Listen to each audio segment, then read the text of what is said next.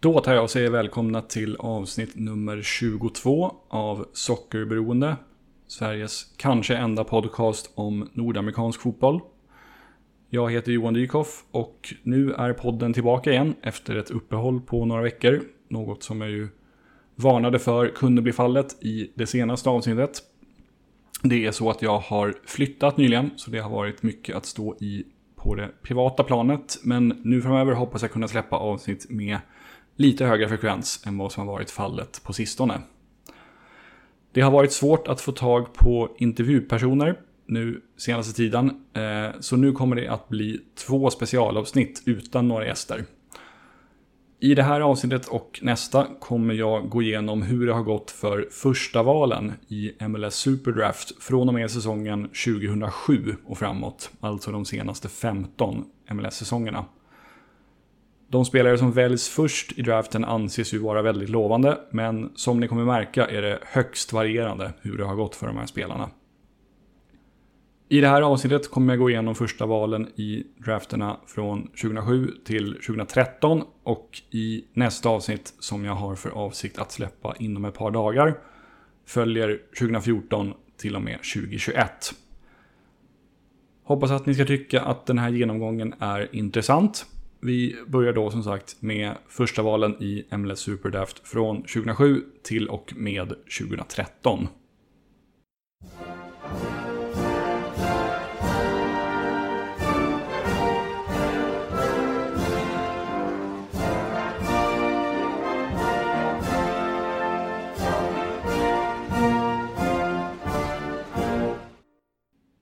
Vi börjar då med 2007, året då Kanada gjorde sitt inträde i MLS. Det dåvarande expansionslaget Toronto FC valde med sitt första val i draften 2007 mittfältaren Morris Edu från University of Maryland.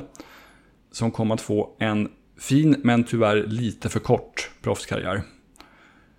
Morris Edu fick Rookie of the Year-priset i MLS 2007 och halvvägs in på säsongen 2008 kom han att värvas av Rangers i skotska ligan.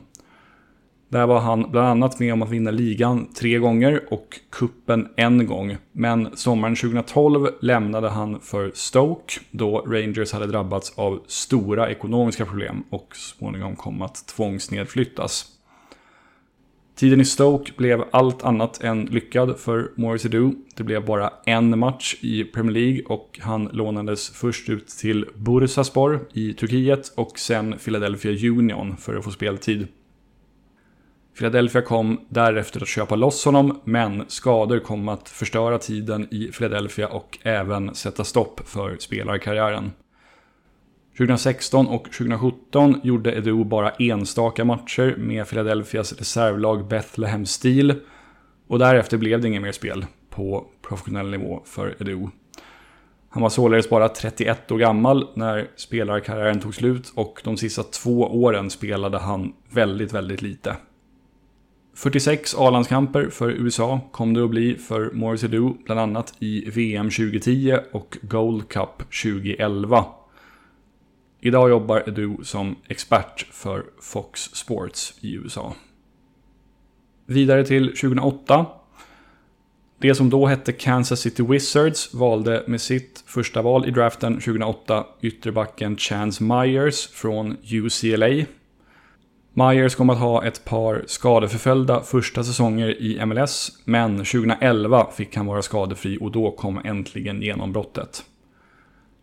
Kansas City Wizards hade då blivit Sporting Kansas City och under ett par år var Chance Myers första val som högerback i vad som då var en av MLS bästa backlinjer.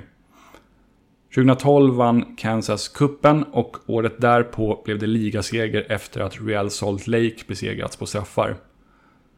Säsongen 2014 förstördes av en hälsenskada och när Myers väl kom tillbaka lyckades han inte återta sin plats i startelvan.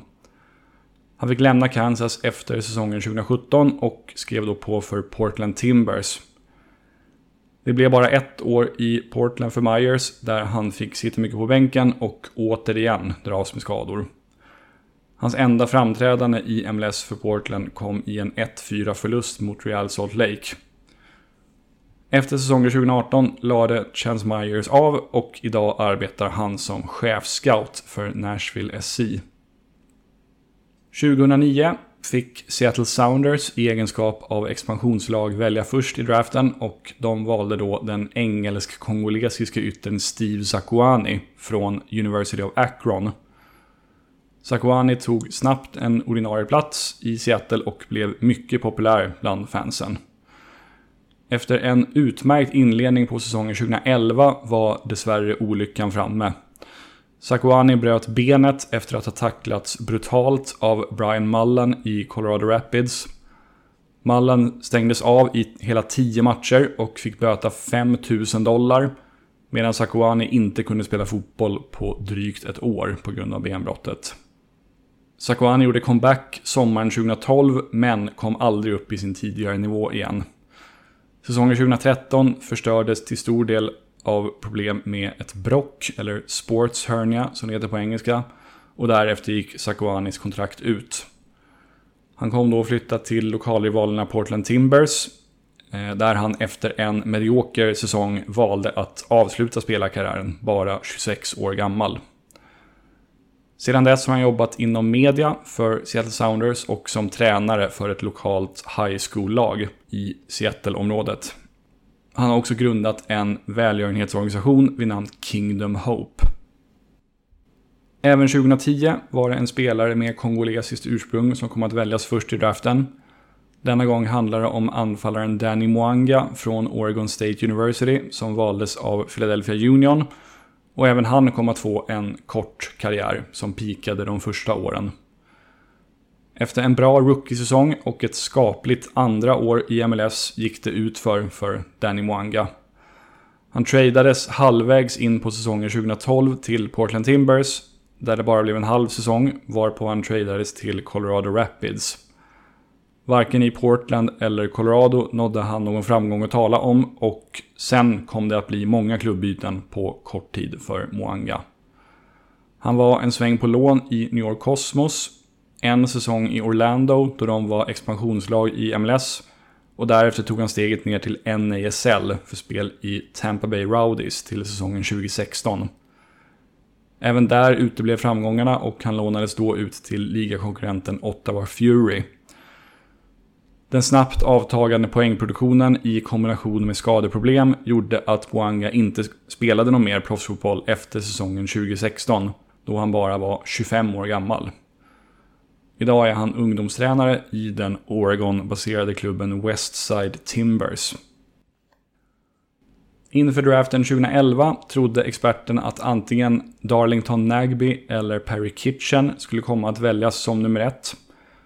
Expansionslaget Vancouver Whitecaps tänkte dock annorlunda och valde den inte ens 18 år fyllda anfallaren Omar Salgado, som inte kom från collegefotbollen utan hade varit ungdomsproffs i Chivas i Mexiko. Det var friskt vågat av Vancouver, men tyvärr kan man i efterhand konstatera att det var ett felbeslut. Salgado kom varken att leverera i MLS för Vancouver eller någon annanstans under sin proffskarriär. Efter att bara ha gjort ett mål på 26 MLS-matcher för Vancouver såldes han i december 2014 till Tigres i mexikanska ligan där han inte fick någon speltid alls och därför lånades han ut till Tampa Bay Rowdies och colombianska Jaguares de Cordoba. Därefter har Sagado spelat för Las Vegas Lights och sin hemstadsklubb El Paso Locomotive i USL utan att göra någon större succé. Och det faktum att han idag är klubblös och studerar till jurist på Boston College får mig att tro att Omar Salgado inte kommer spela någon mer professionell fotboll. Med tanke på vilka spelare Vancouver hade kunnat välja istället för Salgado i den här draften kan man som sagt konstatera att det var ett felval. 2012 var det som då hette Montreal Impact expansionslag i MLS och de kom att välja den allrounder Andrew Wenger från Duke University med sitt första val i draften. Wenger var 2010 mittback för Duke och fick då priset som conferencens bästa defensiva spelare för att till år därpå byta till anfallare och fullkomligt vräka in poäng. Wenger fick den säsongen dels priset som konferensens bästa offensiva spelare och dels priset som hela USAs bästa college-spelare.